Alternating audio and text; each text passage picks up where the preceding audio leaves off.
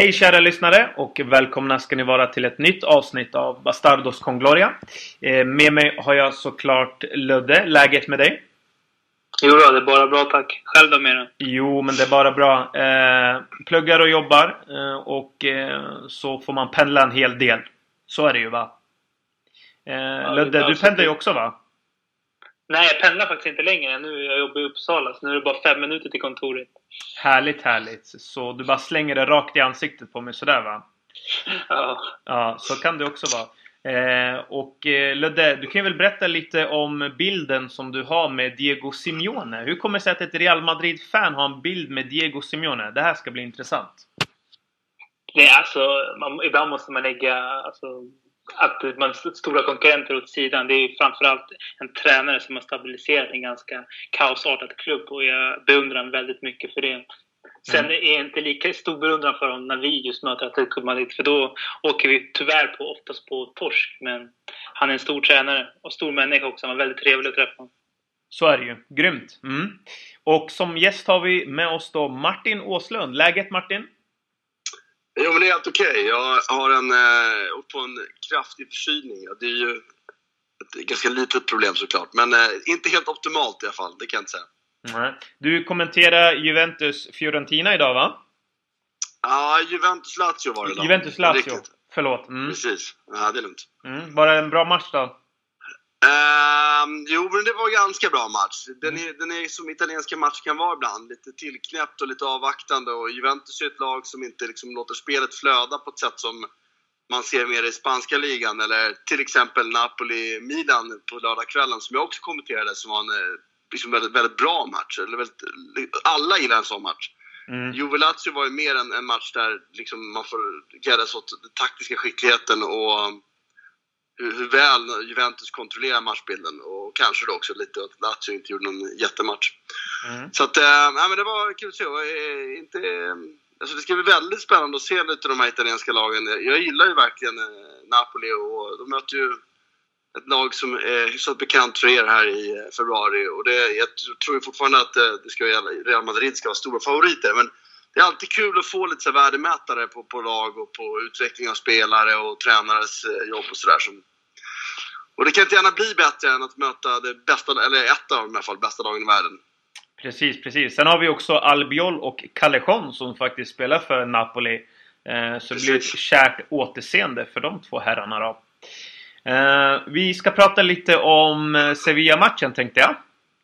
Eh, vi Mm. börjar med dig Ludde. Vad, vad tyckte du? Vad fick du för intryck av den matchen? Lite kort då. Alltså jag tyckte Zidane faktiskt för en gångs skull hade en riktigt bra matchplan. Och man, det kändes väldigt tryggt där när man fick 1-0-ledningen. Och det var, alltså Sevilla hade ju merparten utav bollinnehavet, men det kändes, de skapade inga riktigt, må- riktiga målchanser. Så för en gångs skull så hade Zidane lite otur faktiskt. Han har ju haft tur med sig annars, exempelvis mot Barcelona där det var inte alls någon bra taktik. Men då fick man istället med sig ett ganska turligt mål där på slutet. Som Sergio Ramos när han kvitterade. Precis. Men eh, nu har pendeln vänt och nu kanske Zidane får smaka på lite verklighet. Mm, definitivt. Eh, Martin, eh, vad, vad fick du för intryck av den matchen då? Oj, eh, jag delar ju ganska mycket av det Ludde säger i grund och botten. Eh, nu, jag, jag var tvungen att tänka efter lite eftersom det var ett antal matcher sen, alltså inte för Real Madrid, men jag har sett många matcher sen dess. Ja, precis. Eh, men men nej, jag delar ju absolut den, den bilden av att Real Madrid förtjänade mer. Ja. Om man ser till spelet. Man har alltid det resultat man förtjänar. Jag jag är så enkelt. Men ser man till spelbilden och det man presterade speltaktiskt tycker jag också att, att man förtjänat mer. Och precis som Ludde säger så har man ju vissa matcher gjort saker som Zidane har gjort saker som jag tycker har- varit underliga och slagit fel ut rent spelmässigt men som har fått resultat med sig. Och min bild av sånt är att sånt jämnar ut sig i längden. Och jag delar helt den uppfattningen om att det ska bli intressant att se vad, vad liksom Zidane går för nu. Alltså det har varit fantastiskt det han har gjort än så länge men det jag tycker också att de har haft en osedvanlig liksom, hög andel resultat som har gått eh, kanske då mer om.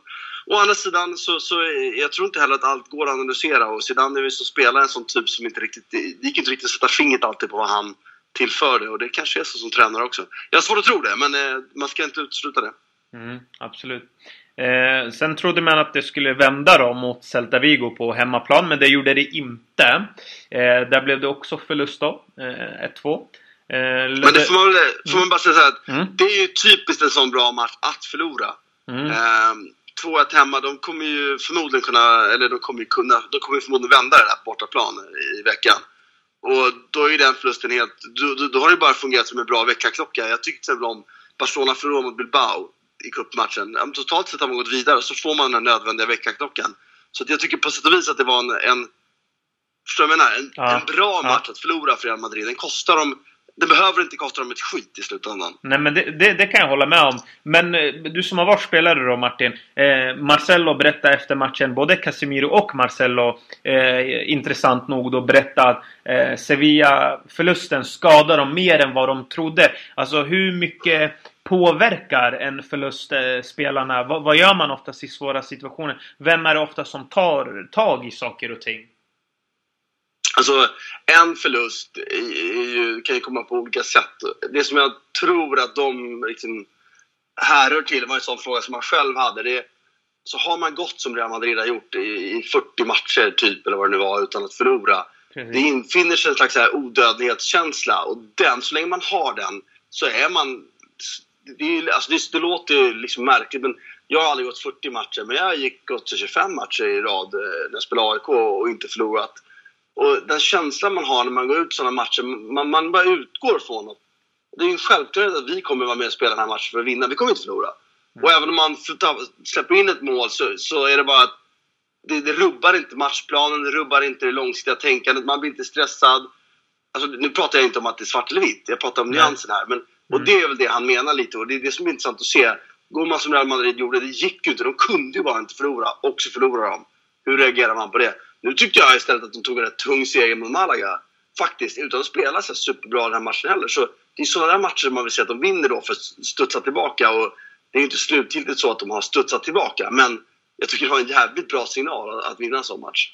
Absolut, så är det.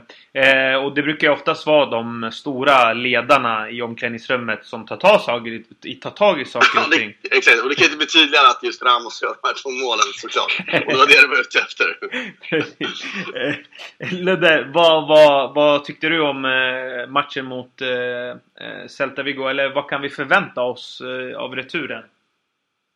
Ja, alltså jag tror att vi kommer att se ett helt annat Real Madrid. Alltså nu, det var, jag tror, precis som Martin säger, att det kommer att fungera som en väckarklocka. Vi kommer att se mycket bättre inställning på alla. Mm. Men, och sen, sen, och sen måste ju, det måste släppa lite för Ronaldo. Han har inte alls sett bra ut nu i inledningen av det här kalenderåret. Och precis. han verkar ha problem där i, nu i den mer renodlade anfallspositionen som han har. Han kommer inte till sin rätt just där. Nej, men det... En intressant grej med det där med just Ronaldo är ju att, att, när han, och det är väl naturligt, när, när han inte gör mål så, så blir ju den här altruismen som han ändå har, liksom, tycker jag, alltså han är inte, han kommer alltid vara en egoistisk spelare, det kommer stora spelare alltid vara, men han har ändå haft en förmåga att släppa bollen ifrån sig vissa gånger på ett bra sätt. Ju, mindre, ju mer han jagar målet, desto mer tycker jag han tar beslut ibland jag menar, det var väl åtminstone två situationer. En, en solklar, han skulle ha släppt den mot Malaga. Ja. När han Till va? Exakt. Och, och det är inte det ett typiskt tecken då? Och det, därför blir det en dubbel effekt för Real Madrid när han inte gör mål. Man får också den här biten när han faktiskt känner sig stressad och så tar han ett skott i ett läge där han har gjort två mål i samma match, eller matchen innan. Då hade han satt en passning istället och så hade det blivit mål. Liksom. Mm. Jag tycker lite synd om Benzema som liksom finner sig i rätt position några gånger så får inte bollen och så, så får han skit för att han inte mål. Alltså, samtidigt är det en del av that's the rule, of the game. Jag menar, långsiktigt är det bättre för Real Madrid att, att det är Ronaldo som gör mål, så är det ju bara. Så, men bara, det är en intressant aspekt i det, att det kostar liksom dubbelt för dem just nu, får jag känsla av. Liksom. Så det är viktigt, som Ludde säger, att han så snart som möjligt börjar hitta den här målformen. Och det är väl typ nu och framåt den ska växlas upp. Att göra massa mål i januari är värdelöst. Det är från februari och framåt, det, det är då de här riktigt stora spelarna ska kliva fram. Liksom. Precis, och eh, eh, Pintus som är ju då... Eh, han är ju... Eh, han är den som tar hand om träningen och eh, fysiken hos spelare och så vidare. Han har ju lagt upp en specifik plan för Ronaldo och det är att han ska växla upp nu eh, senare mot säsongen då. För tidigare har det ju varit att Ronaldo växlat upp så pass mycket att han har kommit till till exempel Champions League-finaler skadad. Eh, och så har det ju sett ut. Så det är viktigt att, som du säger, att han växlar upp nu här snart då. Eh, och eh, det är ju inte bara att han egentligen ibland är eh, självisk då. Det har ju varit också att han även när han ska avsluta så passar han. Vilket är också ja. konstigt. Så att det är liksom... Det, det, ja. Han måste verkligen komma upp om Real Madrid ska vända matchen mot Celta Vigo. Sen har det blivit lite mer att... Alltså, Ronaldo är ju nu för tiden mer bara en renodlad målgörare. När han inte han gör mål, då är han ju faktiskt ganska värdelös. Alltså, han, han tillför inte så mycket i spelet i sig. Det är inte så att han tar några löpningar för att skapa en yta för en annan spelare. Eller så. Nej, så är det ju. Eh... Jag håller med. att han är, han är inte, Jag ska inte säga att han är helt värdelös. Det är lite elakt, eh, tycker jag. Men han är absolut... Han är en, mycket mer av en, en renodlad poängspelare än en, kanske då, om med Messi som deltar mer i, i spelet. Så visst är det så. Mm. Eh, Zidans roll då, om vi pratar lite om honom nu då. Eh, vad ska han göra framöver då för att det inte ska urarta? Eh, det blev förlust mot Sevilla och Celta Vigo. Mot Malaga såg det ut sådär. Eh, jag skulle inte säga än, som du säger Martin, att man har studsat tillbaka. Eh, men vad, kan, vad ska han göra för att det ska studsa tillbaka helt och hållet? Alltså du mig så, mm. så eh, handlar det om att eh, det, det, det som har fungerat tidigare, vad det nu är. För vi är ju inte med i omklädningsrummet och ser inte hur han pratar med gruppen, hur han jobbar med träningar. Eller, jag har i alla fall inte den insynen. Så jag kan inte riktigt uttala mig vad han men den måste han ju hitta tillbaka på. För det var väl någon form av metod då som gav det, det som, har, som har gett resultat hittills.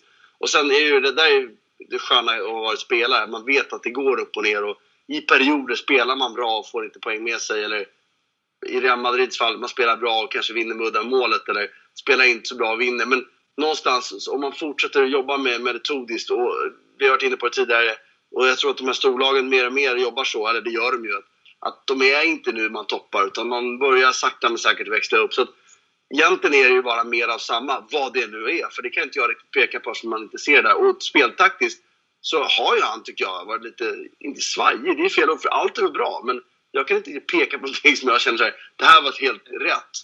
Sen tycker jag det skulle vara intressant att se vad effekten blir att alla de här spelarna är tillbaka, mer eller mindre. Alltså, Bailey är borta då, men eh, annars ser truppen bättre ut än vad gjort på hela säsongen. Det borde ju rimligtvis eh, i de flesta fall leda till att, att spelet blir bättre och resultaten därmed också över tid. Men det är också intressant eftersom Casemiro var så här, utan honom förra året, under förra våren, funkade det inte. Nu utan honom har det gått riktigt bra. Och när han kommer in då tappar man lite av eh, den spelskicklighet som de andra som spelat faktiskt är bättre än honom på. Ja, han är ju bättre defensivt balansspelare, absolut. Och jag skulle välja att spela, men förstår du min tanke? Mm. Ja. Det har funkat rätt bra. De har hittat ett annat sätt att spela på. Tappar man något nu då? Det är också en intressant tanke. Jag tror inte det, men det ska också bli intressant att se. Liksom. Mm, absolut.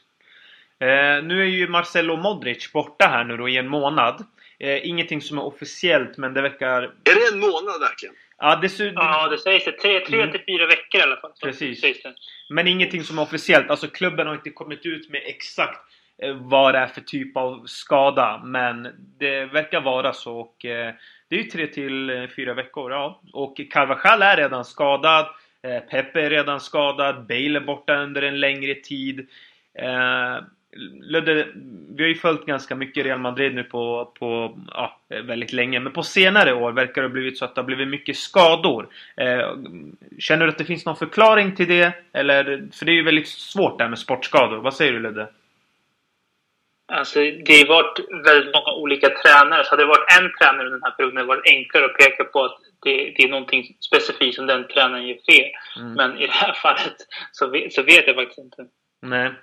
För det är väldigt svårt det där med skador. Alltså, jag, jag blir lite frustrerad som supporter eh, när det är så här många skador som det ändå har varit. Eh, det känns som att spelarna påskyndas tillbaka lite för snabbt. Sen, är ju, sen har ju Real Madrid varit alltid det laget att man förlitar sig på individuella spelare. Så till exempel när någon som Modric skadar sig, då vill man att han snabbt ska tillbaka. Ronaldo, Benzema, Bale. Eh, de är ju väldigt viktiga spelare. Men Martin, vad, vad, vad säger du? Hur, hur kommer det sig att vissa lag har mer skador än andra? Så är det, det är väldigt svårt egentligen att prata om den frågan, men vad tror ja, du? Ja, alltså i Real Madrids fall så eh, nu såg inte jag vad det, det, som, eh, eller jag visste inte att det var så allvarliga frånvaror på de här två spelarna. Marcelo tycker jag är riktigt bra, lite underskattad, men det är inte en spelare som jag tror man alltså, honom går det att klara sig utan. Jag blir mer eh, som... Modric är för mig en av de viktigaste spelarna Real Madrid har. Jag älskar honom som spelartyp. Liksom. Mm. Mm. Men det sätt han spelar fotboll så är han ju för spelet viktigast av alla, skulle jag vilja påstå. Mm. Så där är det ju en kostsam grej. Å andra sidan, om det är tre veckor, för ofta så här, min erfarenhet att det är tre till fyra veckor, jag vet inte Real Madrids fall specifikt, Nej. tycker rent generellt på sportskador, fotbollsskador, mm. så brukar det bli två, tre veckor. Och om då de är tillbaka så kan det, den här lilla två, tre veckors vilan som det blir faktiskt vara någonting bra för sluttampen av, eh, för då är jag ju tillbaka när det verkligen drar ihop sig. Mm. Men visst, nej, och Real Madrids fall, jag tänker inte att, att det har varit eh, alltså, onormalt mycket skador för dem, men det kanske det har. Ja, det, det, är inte, det är ingenting jag har funderat på. Så att, Mm. Det skulle jag behöva fundera mer på i sådana fall. Mm. Det är klart att, att eh, Ronaldos skada var ju sur att få med sig in i säsongen. Men det är ju inte kopplat till Real Madrid, så det går inte att säga riktigt att Real Madrid gör någonting. Liksom. Nej, precis. Nej, men det är svårt det där med skador, absolut. Jag håller ju med. Eh, och alla lag har skador och är man Real Madrid så ska man ha spelare som kan ersätta. Och det är ju någonting Zidane har väl ändå gjort ganska bra. Han har ju ändå spelat med typ alla spelare i laget. Förutom Quentraudo som är alltid skadad. Men det är en sån sak va. Så är det. Eh, Deloitte kom ut med sin rapport då att eh, världens rikaste klubb är Manchester United. Real Madrid får befinna sig på en tredje plats då. Eh, Barcelona eh, lite före dem men båda är på ganska samma nivå där då. Eh, hur kan det här påverka Real Madrid Martin?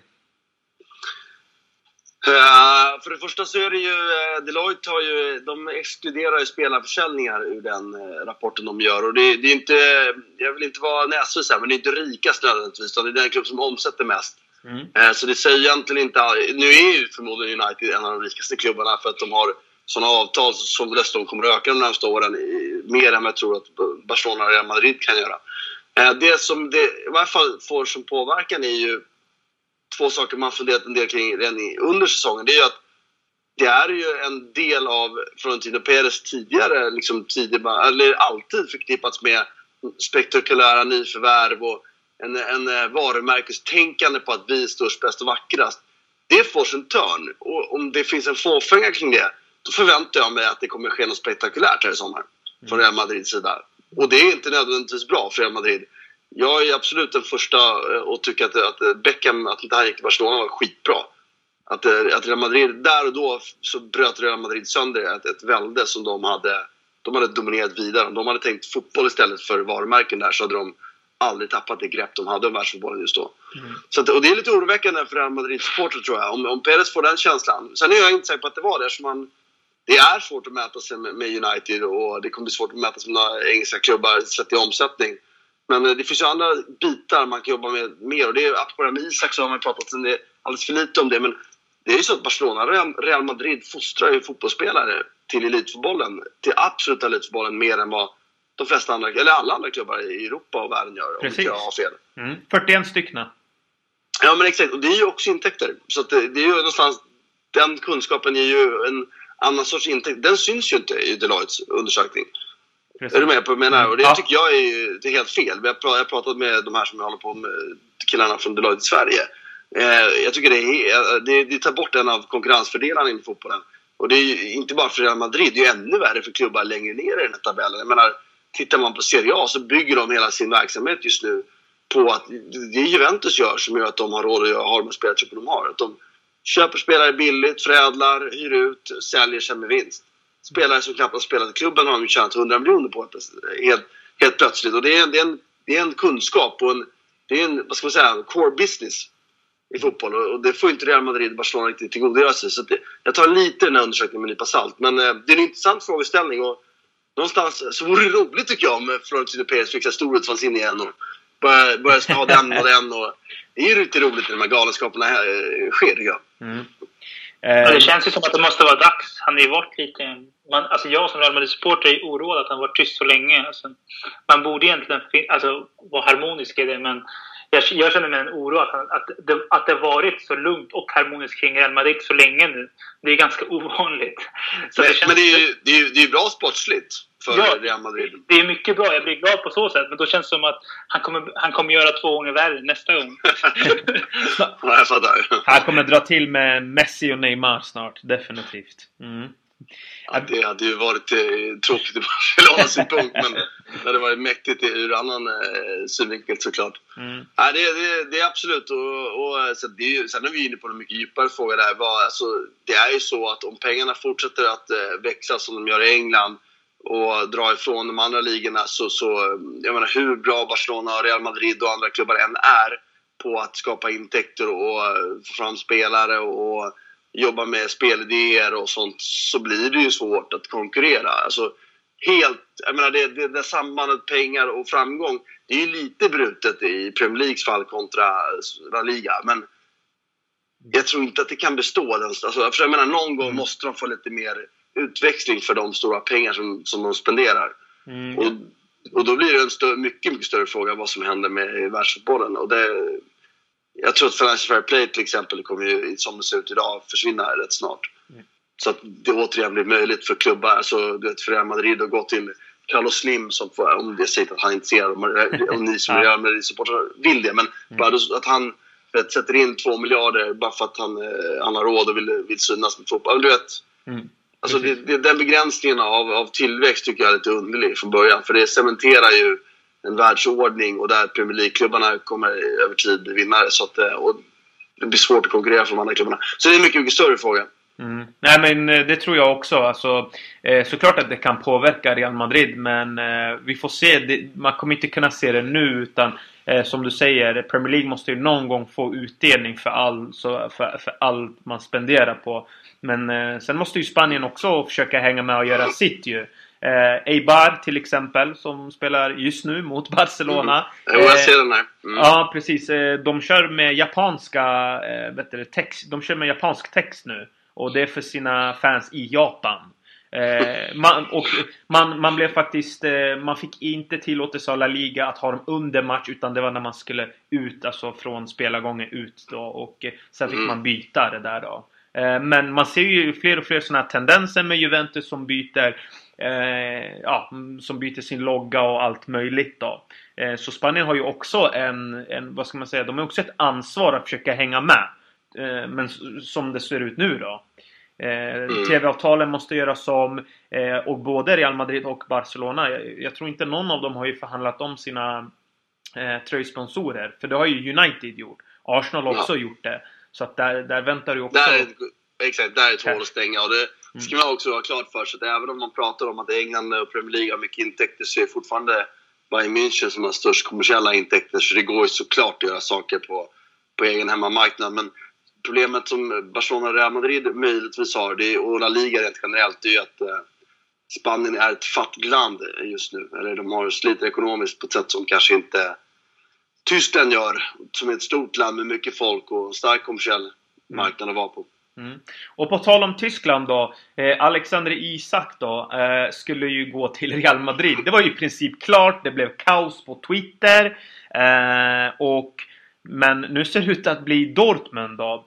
Eh, Ludde, tycker du att eh, Ödegård på något sätt har skadat Real Madrids anseende i det här fallet? Eller vad, vad, vad tycker du liksom där? Alltså jag tycker hela den här, alltså Ödegård har fått Ödegård och Madrid i hela den här soppan har fått ganska mycket skit i onödan. Alltså Ödegård är bara, vad är han, 17 eller 18, ett år äldre än Isak. Mm. Och under hans första år hade han naturligtvis svårt att akklimatisera sig från lilla Norge till alltså stora Madrid, alltså både som stad och som klubb. Mm. Men andra året, då fick han mer plats i Castilla och var bra. Och nu så tog han ett naturligt steg till Holland och en utlåning för att få speltid. Mm. Så att jag tycker inte alls att man kan liksom markera det som en dålig övergång än. Mm. Men tider har ju också förändrats, så är det ju. Idag förväntar man sig att en 18-19-åring ska vara som Ronaldo och Messi när de var i den åldern. Det känns lite så. De, de två känns liksom som en parameter för andra talanger. Men eh, det är det, alltså man måste ha kunskap om det. Man, folk vet ju inte att Ödegård har gjort riktigt bra ifrån sig i Castilla och har faktiskt gjort två, tre framträdanden i A-laget. Sen är han som sagt 18 år gammal. Alltså man kan ju inte bedöma honom som misslyckad ännu. Men sen har eh. alltså, snacket har varit ganska snedrivet i Sverige. Som att, alltså, det är ganska många som har missat att det är inte så många spelare som kommer upp i Real Madrids A-lag. Men det, det, är många spelare från Real Madrids akademi som finns ute, alltså i till exempelvis Premier League, i La Liga. Alltså de finns i, i andra lag, bara inte i Real Madrid. Mm. Det är det som man ska bära med sig när en sån här flytt görs. Det är ju syftet med det. Syftet är ju inte för Ödegård eller om det hade Isak hade gått till Real Madrid.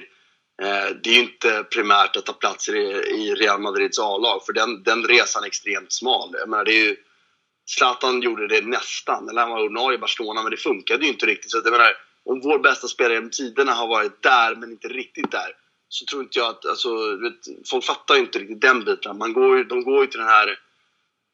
En sån flytt gör man för att få en bästa möjliga utveckling för att i nästa steg ta steget in i ett lag. Eh, liksom, få max ut av sin karriär. Och det är också en grej man pratar om som jag måste komma ihåg. Har man en exceptionell talang så måste man testas på exceptionell nivå. Visar det sig att man inte hade nog för den nivån, ja, då har man i alla fall testat det. Men testar man inte det, då får man inte den här... Alltså, den, den eh, ska hävstången som en bra miljö kan ge. Jag menar, sätter du in Alexander Isak i division 3 med de andra spelarna, han skulle vara bra där. Men det skulle inte skillnaden på honom och en bra division 3-spelare märks ju mycket mer när du tar honom till Allsvenskan. Och, och du vet, förstår vad jag menar? Skillnaden märks varje steg man måste flytta upp dem. Så, och det här fattar ju inte folk riktigt, att det är därför man gör med flyttarna. Så, sen kan jag ju tycka att det hade varit roligare om man hade gått till Celta Vigo och, och fått spela från start. Men när det handlar om de pengar det gör, och då har det exkluderat typ hälften av alla möjliga luggar, eller mer än det. Mm. Sen om det blir Dortmund eller Real Madrid. Alltså statistiskt sett så är Dortmund en sämre flytt för att bli en fotbollsspelare. Det, så är det ju, eftersom Real Madrid fostrar mer. Men jag tycker fortfarande att det är, en, det är två jämförbara. Det är troligare att, att bli använd i Dortmund tidigare. Eh, och det är också en bra skola. Lite annorlunda bara liksom. Mm. Men, eh, men eh, är, det rätt, är det bättre för Isak då att välja Dortmund än Real Madrid då? Jag tycker att det är, som jag var inne på, det, det är liksom ingen... Det är två jämförbara alternativ. Real Madrid är statistiskt sett, som jag sa, är bättre. Jag menar, det är bara att kolla. Det är fler spelare som kommer via Real Madrid. Så det är ju statistiskt bättre att gå dit, såklart. Men sen är det så här, de är jämförbara. Det är två olika skolor där jag hade gärna sett eh, Isak i en spansk klubb eftersom jag tycker Spanien är den sortens anfalls, anfallsfotboll de skolas i där är lite de egenskaper han har som bäst med spelförståelse, släppa bollen, röra sig och så vidare. Men jag gillar också Tyskland och, och Tuchel är en bra tränare och får han vara med där är det ju troligare att han får känna på A-lagsfotboll än vad det är i Real Madrid. Så som är jämförbara. Jag tror inte man ska diskutera... Liksom, kommer, vi kommer aldrig veta facit av det. Mm. Det handlar mer om andra saker. Sådana, och jag tycker att, eh, sagt, jag, hade gärna, jag tror att ett bra steg kunde ha varit spelat i Real Sociedad, Celta Vigo eller någon klubb i Spanien. Jag gillar spanska ligan, som jag har varit inne på tidigare, för fostrar, fostrar anfallsfotboll. Men de pengar som nämns så är det omöjligt. Så då är det bara de största lagen och då tycker jag det här var två bra alternativ. Mm. Absolut. Eh, om vi tittar lite framöver här då. Eh, Real Madrid har ju som sagt en hel del skador. Eh, och eh, nu kommer det ju prata såklart mycket om vem som ska ersätta vem. Och eh, James och Isco, det är ju två riktigt härliga fotbollsspelare. Och det har ju varit en hel del diskussion om att James ska börja före till exempel Lucas Vasquez. Eh, Ludde, vad är det som du tror Zidane ser i Lucas Vasquez som vi andra inte ser? Alltså Lucas Vasquez lägsta nivå är väldigt hög. Han, man vet alltid vad man får av Lucas Vasquez. Även fast Lucas Vasquez har en, do, en dålig dag, för att vara han, så kommer han alltid ge 100% i både i, i att löpa för andra spelare och skapa ytor, men också i försvarsspelet. Mm. James en, då, en dålig dag, då funkar det inte alls. Då hänger han med huvudet. Och det, alltså lägsta nivån är väldigt, väldigt låg. Han kommer inte att hjälpa till i försvarsspelet. Mm. Absolut. Eh, Martin, vad är det som gör att eh, vissa tränare, eh, jag har alltid undrat det där, lutar sig åt att välja spelare som till exempel inte har de eh, färdigheterna som andra spelare har. Alltså, då, tänkte, då tänker jag till exempel på någon som Arbeloa. Eh, hänger du med lite vad jag menar? Eh, vad tror du det gör att, att en tränare väljer med de här säkra korten med, alltså de är inte bättre mer eh, på kvaliteten då? Men det, alltså, jag tror att det här är en tankevurpa som man lätt gör som supporter mer. Mm. Fotbollsspelare ska inte bedömas efter sin högsta nivå. Eh, mm. De ska bedömas efter sin lägsta nivå i nästan alla fall mm. eh, som finns. Utan det är ju, och det, är ju det, det, där, det du berör här lite. Det är klart, har du en spelare som Messi och spelare, då, då, är, då är också högsta nivån väldigt avgörande. Men du har inte råd. Har du en sån spelare, och det har, Real Madrid och Barcelona kommer alltid ha toppspelare i den Så alla andra kommer på något sätt bli, en, bli någon form av rollspelare. Om du förstår vad jag menar. Och jag tyckte James var en skämtvärvning att göra från början om jag ska vara ärlig. Han är inte bra nog för Real Madrid. För han är en renodlad eh, kreatör, en fantasispelare. inte speciellt snabb, så han är ganska dålig dynamik. Han är bra när han får styra spelet. Och då känner jag bara att där har Real Madrid, alltså han är inte bra nog för att göra det ett lag som Real Madrid som ska vinna saker. Så i, mitt, i, min, i min värld så skulle de sälja honom mesta möjliga pengar. Lucas Vasquez är en rollspelare och har andra saker som är bra. De är att han har en historia han har tycker jag som är symboliskt värde. Eh, sen är inte han lika bra. Han kommer aldrig kunna ha samma höjd som eh, James Rodriguez har. Och flyttar du James till ett lag typ, ja men kanske PSG, kanske lite för hög nivå, men PSG, där blir han ju stjärnan. Mm. Då är han grym. Flyttar du Lucas Vasquez till PSG så är han fortfarande bara en rollspelare. Mm. Men i Real Madrid så är Modric och de här spelarna, de ska ha, de är, bättre, de är klart bättre än vad James är. Så det är, i det fallet så tycker jag det är solklart. Jag, jag, för den värvningen var typiskt sådär, alltså bra i VM, herregud kom igen. Fan, Real Madrid slår VM-lagen med sitt B-lag liksom. Jag förstår liksom inte. Alltså det, det är så här, ja han var skitbra i Colombia som mötte Mexiko. Mm. Eh, Mexiko skulle få stryk med Real Madrid med 8-0 en eh, vanlig match. Så det, det, det, ingen, det, ingen, det, det var en, det var en Perez-värvning på det dåliga sättet. Han har ett bra, bra marknadsvärde, han har bra liksom, eh, aura omkring sig. Det är en stjärna hur han ser ut och för sig. Men fotbollsmässigt var det en dålig värvning tycker jag från början och jag vidhåller det. Jag, är mycket, jag tycker Isco är bättre, men Isco är inte heller det. Alltså det är också en svårighet med Isco. Att han också kräver ett utrymme som där bara de bästa. Jag brukar säga med, med Özil som alla hyllade, eller som väldigt omtyckt. Jag tycker han är grym, men det är fortfarande en spelare. Ska han spela så ska han vara Ronaldo Messi-rollen. Och då är inte han bra nog ens för Arsenal nästan. Mm. Om du förstår vad jag menar. Eller Arsenal som de är nu är han det. Men ska Arsenal ta ett steg till? Ja, det är ju tyvärr så. Och det är lite där jag tycker också man går bort sig lite som supporter. Då tittar man på högsta nivån och så glömmer man bort att det är, du kan inte ha tio spelare med högsta nivån. Du kan i regel ha en där du går på högsta nivå. De andra måste du ha lägsta nivå du bedömer på. För det fotboll är ett, liksom ett samspel, ett lagspel. Och sen också man har klart för sig skillnaden på högsta nivån på Özil och Chamez som är väldigt bra mot Vasquez. Den är, den är där men den är inte så stor så det är värt att gamla. Det är så jag ser på fotboll därför. Mm. Ja, men absolut, väldigt intressant. För att eh, man måste ju titta på det, på det Chamez har gjort ju. Som du säger, han, han kan ju vara jättebra i, i, när han är verkligen bra. Samma sak med Isco. Iscos problem det är att han kan ju inte släppa boll. Det är ju omöjligt. Han måste alltid ta två, tre touch på bollen innan han kan släppa bollen vidare. Och när man har tittat på Iscos sämre matcher, då är han ju bedrövlig. Alltså han finns ju inte ens på kartan. Nu var han ju eh, skadad, satt på bänken någon match. Ska komma in mot Malaga och då tror man ju att nu kommer han ta för sig och Real Madrid kommer ha ett större bollinnehav. Eh, för vissa har ju klagat på att bollinnehavet inte har sett så bra ut. Spelet kommer se vackrare ut med Isco på plan. Han kommer in, gör det nästan värre. Så att jag menar... Ja, nej, men det är lite det... så. Nu tycker jag Isco är bättre än James för Real Madrid. Men jag ja, nej, det, absolut. det är en, en, det är ju väldigt sällan, det är väldigt få spelare som spelar med fler än en eller två touch i de här lagen. Mm. Jag menar, Barcelonas fall så är det Iniesta och Messi i princip. Alla andra spelar, och Neymar i sista tredjedelen möjligtvis. Nästan alla andra spelar på en och två tillslag. I Real Madrid är det Modric som spelar på fler, Ronaldo såklart, och så, så Bale när han är med när han drar de här längre löporna. Men annars spelar, och då är det Isco när han spelar då. Och, så ni, du är inne på, när Isco är bra, ja då, då är det ju värt det. Men mm.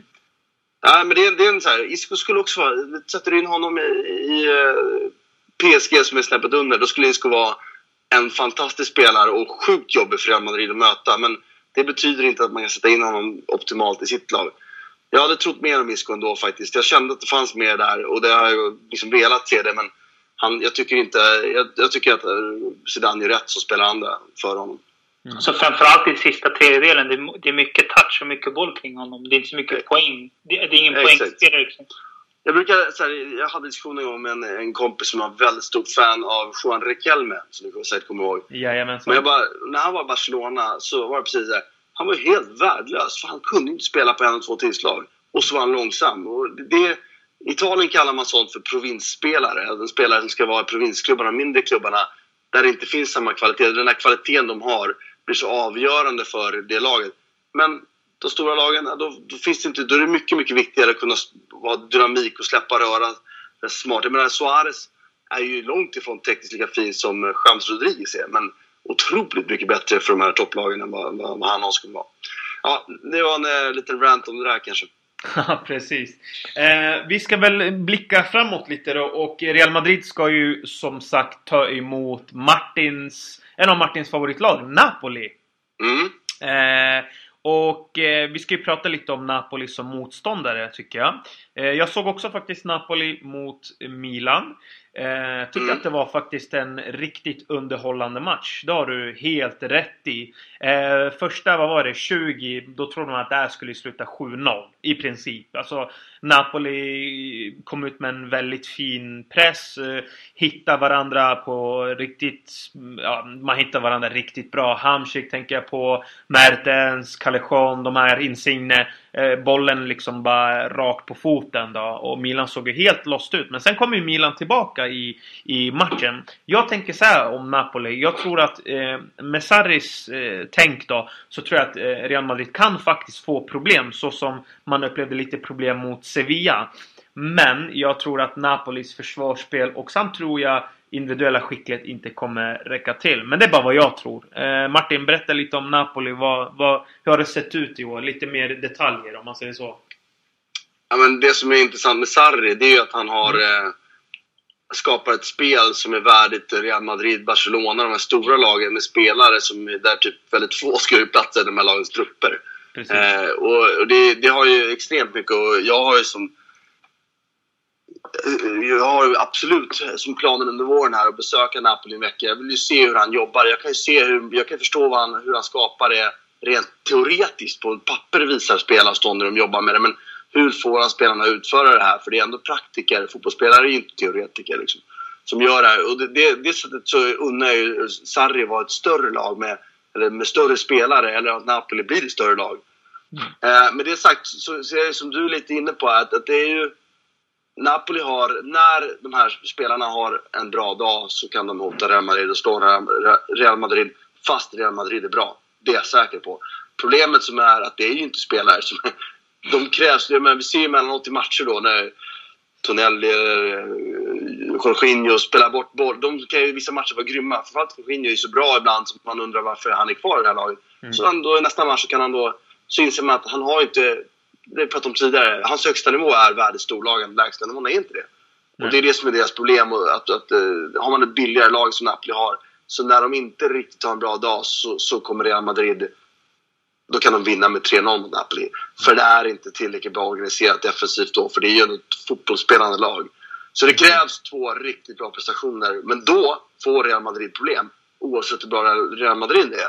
Sen som du är också inne på så ska man ju aldrig utesluta att, att Real Madrid, även om de har eh, en dålig dag med de spelare de har, så, så, så eh, jag menar, Ronaldo kan göra allt. Och det, Bale, om han är med och tillbaka, det är han väl kanske inte. Men, och andra spelare, Modric. Så det, det, spelar, det där är ju också en sak som man aldrig kan... Det är en faktor man aldrig kan bortse ifrån.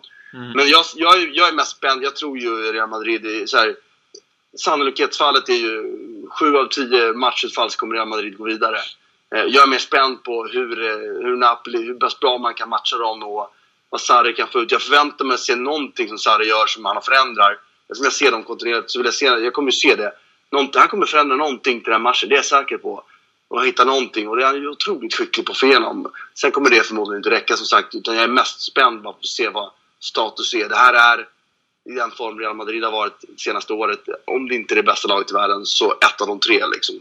Och det är vi nästan alltid i och för sig.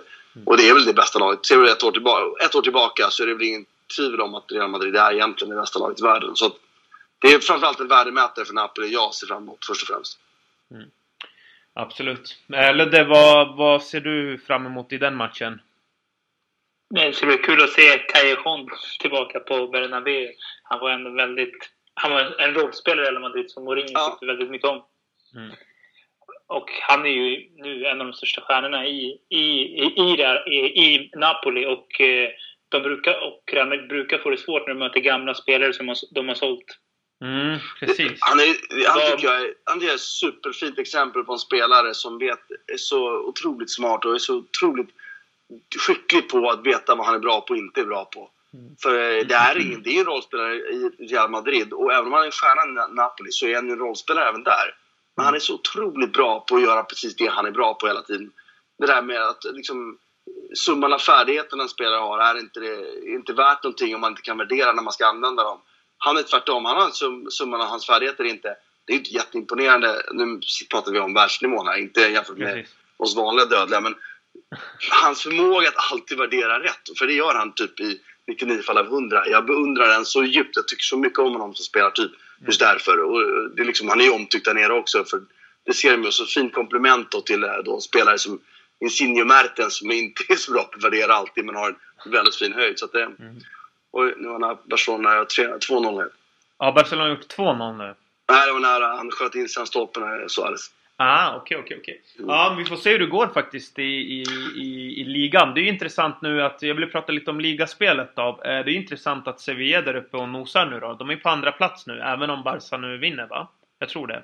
Eh, eller så är de på lika ja, poäng. Men någonstans är det. Men vi får se om San Paulis energi som han alltid är. Vi får se om det räcker över en hel säsong då. Det är det som ska bli intressant. För att från februari månad, där tror jag Sevilla faller. Det är bara vad jag tror. Sen vet jag ju inte, men eh, det, det är vad jag i alla fall tror. Eh, men om vi pratar lite om framtid, för det här är en intressant diskussion som jag har velat ta upp väldigt länge. Eh, Martin, Zidane nu, vi har, vi har, sett honom nu, vad blir det? Nu, är det han, nu har han ju varit i klubben i ett år då. Jag räknar med att han var fyra månader tränare när han tog över från Benitez och nu har det blivit väl, väl snart en sex då. Så det är väl mot ja, ett år ungefär då. Vad tror du han måste göra för att han ska hålla länge i en klubb som Real Madrid? Eh, förutom att ta titlar, om jag tänker på det spelmässiga. För många Real Madrid-fans har ju klagat på det spelmässiga. Att det inte alltid sett så bra ut. Sen kan man ju inte klaga så mycket. För då ser man ju dum ut i och med att det har varit så många vinster, Champions League-titlar och allt annat då. Men vad tror du han måste göra för att kunna bli till exempel en Ferguson? Alltså om man tittar på det långsiktiga. Måste han utveckla någon mer eh, possession-fotboll? Att det ska se mer finare ut? Alltså kommer liksom tålamodet eh, på Bernabéu-fansen att ta slut om det fortsätter att se ut lite knakigt men att man ändå tar titlar? Eller vad tror du där? Alltså över tid så är det helt säkert som du säger.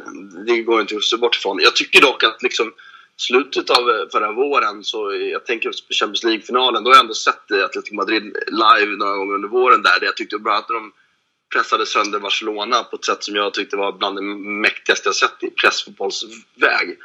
Och då tyckte jag ändå i den här finalen, vilket jag inte trodde, då tyckte jag att Real, vi var såg den live också, att Real Madrid faktiskt spelade bättre fotboll än vad jag hade förväntat mig. Så någonstans så var det på väg mot någonting. Sen så, vi ska inte glömma bort att det har varit en höst med rätt mycket skador.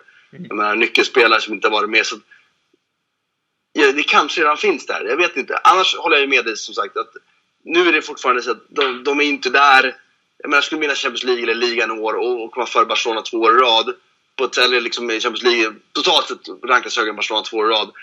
Ja, då kanske då... Ja, det, då kommer vi kanske tillbaka till det här som var förr. Jag menar, vi har ju sett Real Madrid vinna och tränaren fått sparken. Men det var ju under en period när de verkligen var bäst. Nu har ju faktiskt Barcelona ett antal år ändå passerat Real Madrid många gånger. Mm. Och jag tror att innan den svänger tillbaka så krävs det nog något eller två år till av bara vinster. För än så länge inbillar jag mig att majoriteten av Real Madrid-fansen ändå nöjer sig med att vinna över Barcelona och vinna titlar. Men förr eller senare, om det är om ett år eller tre år med vinster av Zidane, så kommer det krävas bättre spel. Det är jag också helt hundra på och också därför jag gillar, alltså, alltså, så ska det vara. Man ska ha en kultur som man spelar, det är viktigare än någonting annat. Så det ofrånkomligen kommer vi dit, men så, så himla dåligt har det inte varit. Och jag tycker som sagt, som jag var inne på i början här, att, att det var slutet av förra våren så tyckte jag att spelmässigt såg det ganska bra ut.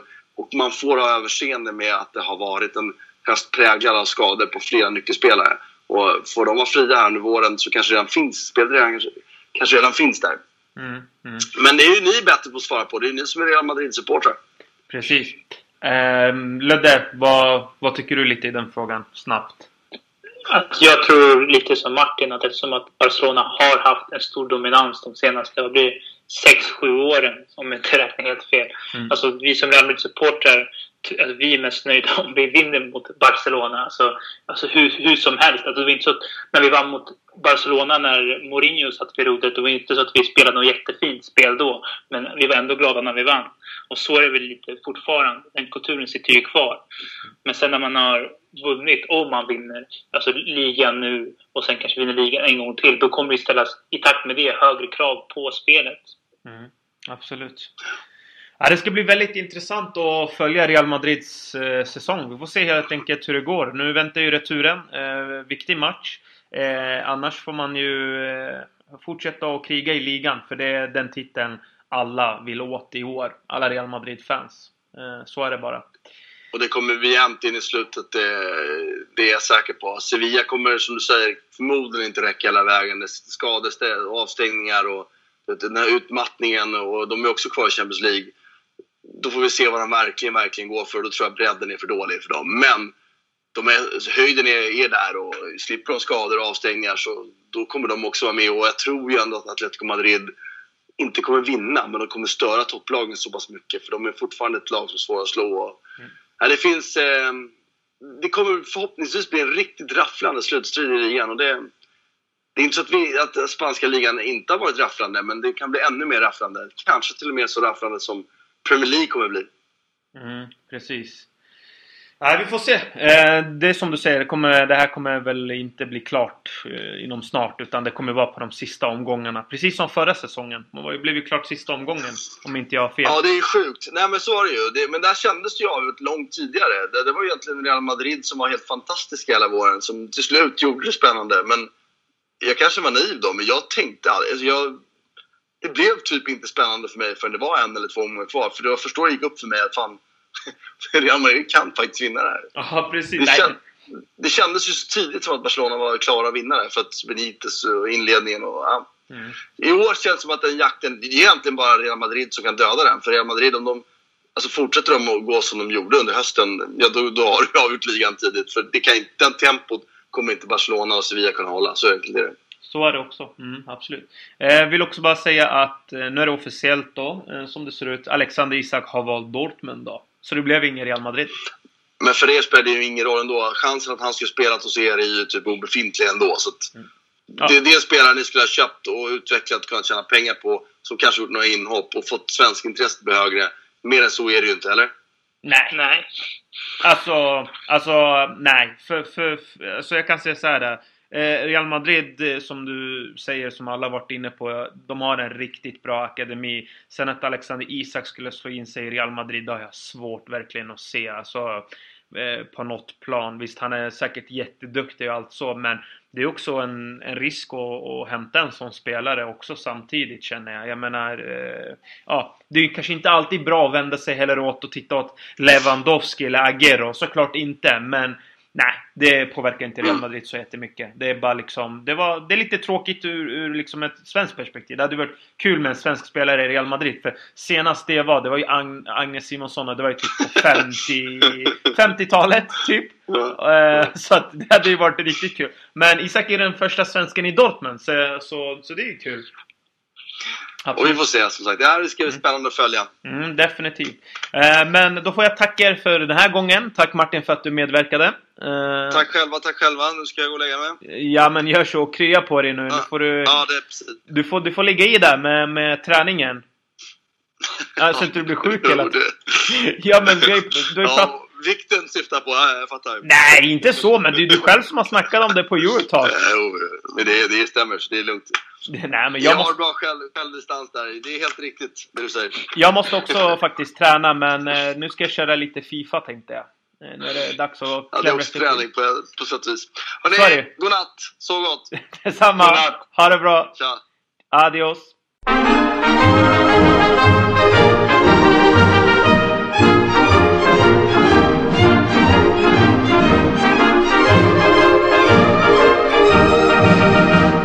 Las glorias deportivas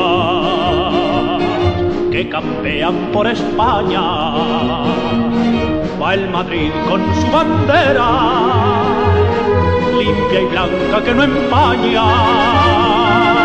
Club castizo y generoso, todo nervio y corazón Veteranos y noveles, veteranos y noveles miran siempre sus laureles con respeto y emoción.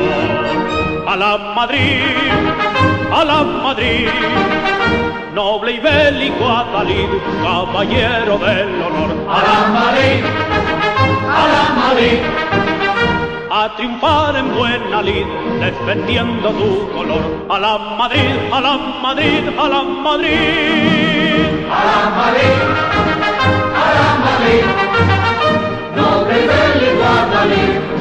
Yeah.